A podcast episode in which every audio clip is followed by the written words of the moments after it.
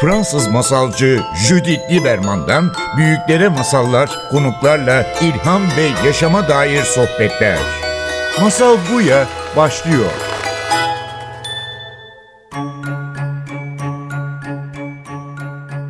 Masal Buya'ya hoş geldiniz. Bugün yine evimden sizin evinizde bir program sunuyorum. Bugün iki masal seçtim sizin için. İlki bir bülbülün masalı. Ve bu masal bizim için çok güçlü bir özgürlük metaforu sunuyor. İkinci bir Nasrettin Hoca fikrası. Ben çok seviyorum Nasrettin Hoca fikraları. Hem gülmek için hem düşünmek için çok güçlü hikayeler olduğunu düşünüyorum. Bugünkü Nasrettin Hoca fikrası bize aslında günlük hayatımızdaki birçok olaylar, sıradan gibi görünen olaylar birer mucize olduklarını hatırlatıyor ki bu günler bence bu bizim için çok önemli bir hatırlatma. O zaman daha fazla uzatmayalım. Masallar başlasın. Birlikte hayal kuralım. Birlikte masal dinleyelim. Başlıyoruz.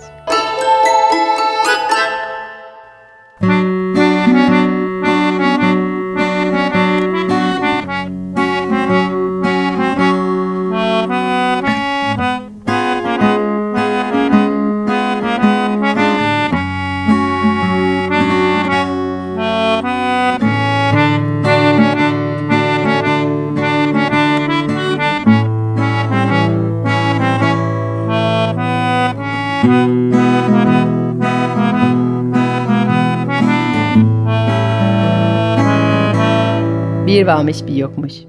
Zengin tüccar bir gün altın fiyatına minik bir bülbül satın almış.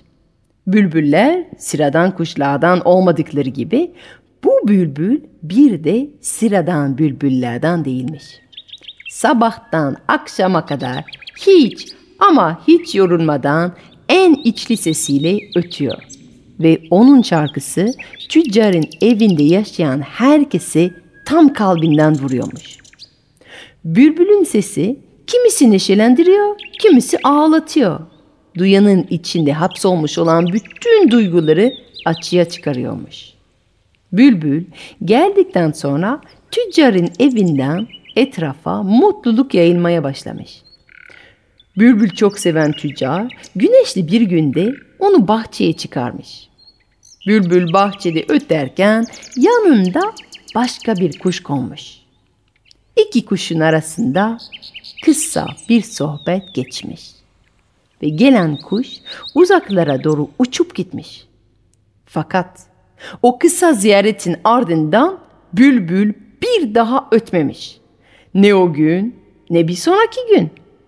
Tüccar bülbünün gönlünü almak için ona meyveler ikram etmiş, müzisyenler getirip şarkılar çaldırmış, ona eşlik edecek dişi bir bülbül bile satın almış ama nafile. Bülbül hep sessiz kalmış. O zaman bülbülün sessizliğinden beri gözüne uyku girmeyen tüccar, Kral Süleyman'a başvurmaya karar vermiş. Süleyman bütün hayvanların dilini bildiğinden dolayı bülbülün derdini anlayıp devasını bulabilecek tek kişiymiş. Büyük kral tüccarın derdini dinledikten sonra kafesi açıp bülbülü elini almış, küçük kuşu kulağına götürmüş ve bülbül anlatmaya başlamış. Büyük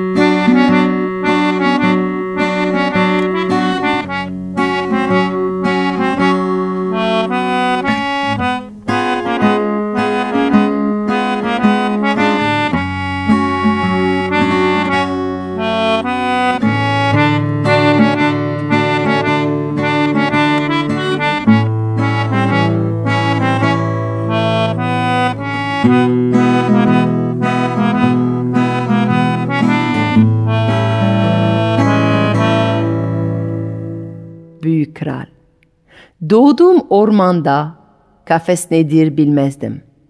Ailemin ve dostlarımın içinde etrafım çiçek ve meyve ağaçlarıyla dolu, tabiatın bolluğu ve bin bir çeşit güzelliğin içinde yaşardım. Bir gün kuşçu gelip fazlasıyla güzel kokulu bir meyve ile beni kandırıp yakaladı. Beni satmaya çalıştığı pazar öyle kalabalık, gürültülü ve kargaşa içindeydi ki kalbim acıdı ve ben acımı bir şarkıya dönüştürdüm. Sesimi duyan herkes dönüp bana baktı. İnsanlar baktıkça da kuşçu benim fiyatımı arttırdı.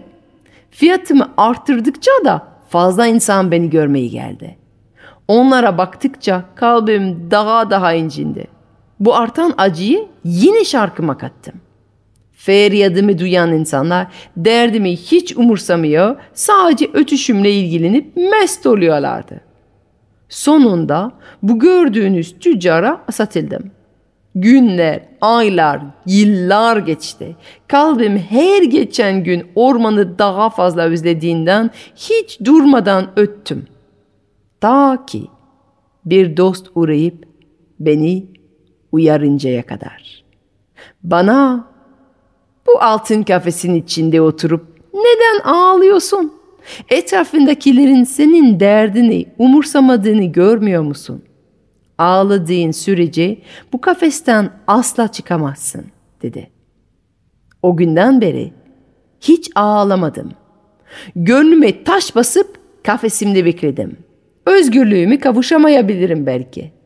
Ama en azından beni hapsedenleri eğlendirmeye son verebilirim. Kral Süleyman tüccara duyduğu hikayeyi anlatınca adam kafesi açıp kuşu pencereden salıvermiş. Ötmeyen bir kuşu kafeste tutmanın bir anlamı yokmuş. Özgürlüğüne kavuşan bülbül ise ormana doğru arkasında bakmadan uçmuş. O günden beri ormanda daldan dala, ağaçtan aca uçuşup neşeyle şakıdığını söylenir.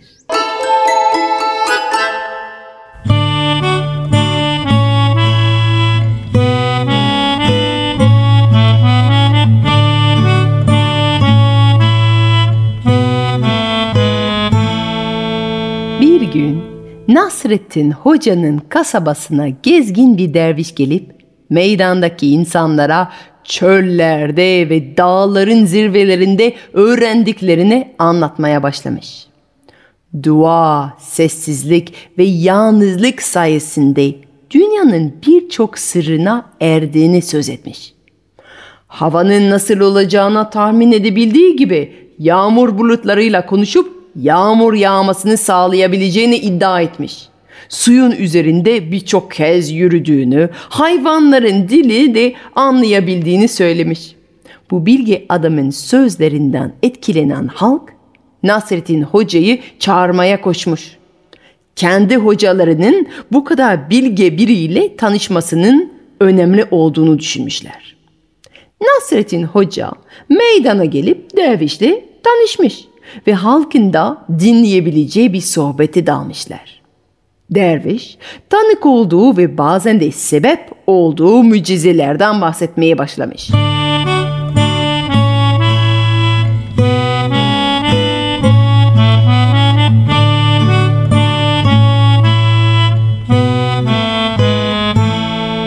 Bir keresinde sırf bunu göklerden rica ettiği için varması gereken köye ulaşmadan gecenin gelmeyip onu beklediğini söylemiş. Başka bir zaman azıcık ekmekle uzun bir yolculuğa çıktığı bir günde ekmeğin heybesinde kendiliğinden çoğaldığını ve iki gün boyunca hiç aç kalmadan yoluna devam edebildiğini belirtmiş. Hele hayvanlarla yaşadıkları o konuda sayısız sıra dışı deneyimleri varmış. Kurtlar bile ona samimi bir arkadaş gibi davranırmış. Bunları söyledikten sonra Nasrettin'i dönüp sormuş. Ya siz hocam? Hiç hayvanlarla samimi bir deneyiminiz oldu mu? Nasrettin gülüp hemen cevap vermiş. Tabii ki güzel dostum. Anlattıklarınız bana hiç yabancı gelmiyor. Yaşadığım her gün bütün kutsal tabiatı tanımaya ve onunla derin bir bağ kurmaya çalışıyorum. Hayvanlarla birçok sıra dışı deneyimim oldu. Hatta bir keresinde bir balık hayatımı kurtardı demiş. Derviş şaşırmış. ve hemen Nasrettin Hoca'ya bu macerayı duymak için sabırsızlandığını söylemiş.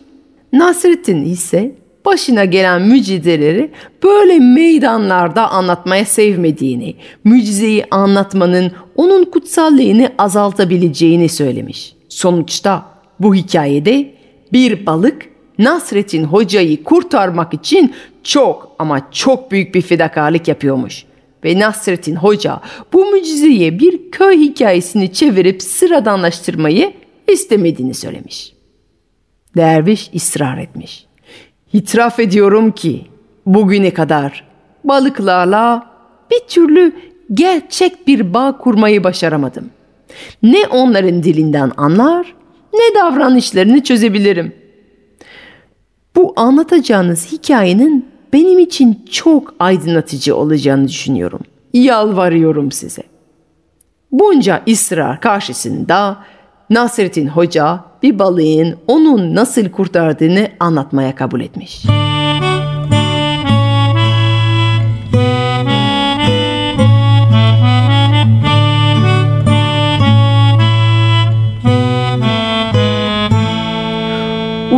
Yolculuktan geliyordum. İki gün ağzıma koyacak tek bir lokma bulamamış, zayıf düşmüştüm. Gürür gürür akan bir dereye ulaştığımda açlıktan gerçekten ölüyordum. Tam bu haldeyken oltamı suya attım ve cömert bir balık canımı kurtarmak için oltama takıldı. Onu yakalayıp temizledim, ateşe pişirdim ve afiyetle yedim. Eğer o balık olmasaydı açlıktan ölebilirdim. O gün bugün kendimi ona son derece minnettar hissediyorum. Fransız masalcı Judith Lieberman'dan büyüklere masallar, konuklarla ilham ve yaşama dair sohbetler.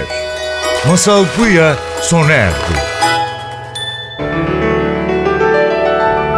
Programın tüm bölümlerini ntvradio.com.tr adresindeki podcast sayfamızdan dinleyebilirsiniz.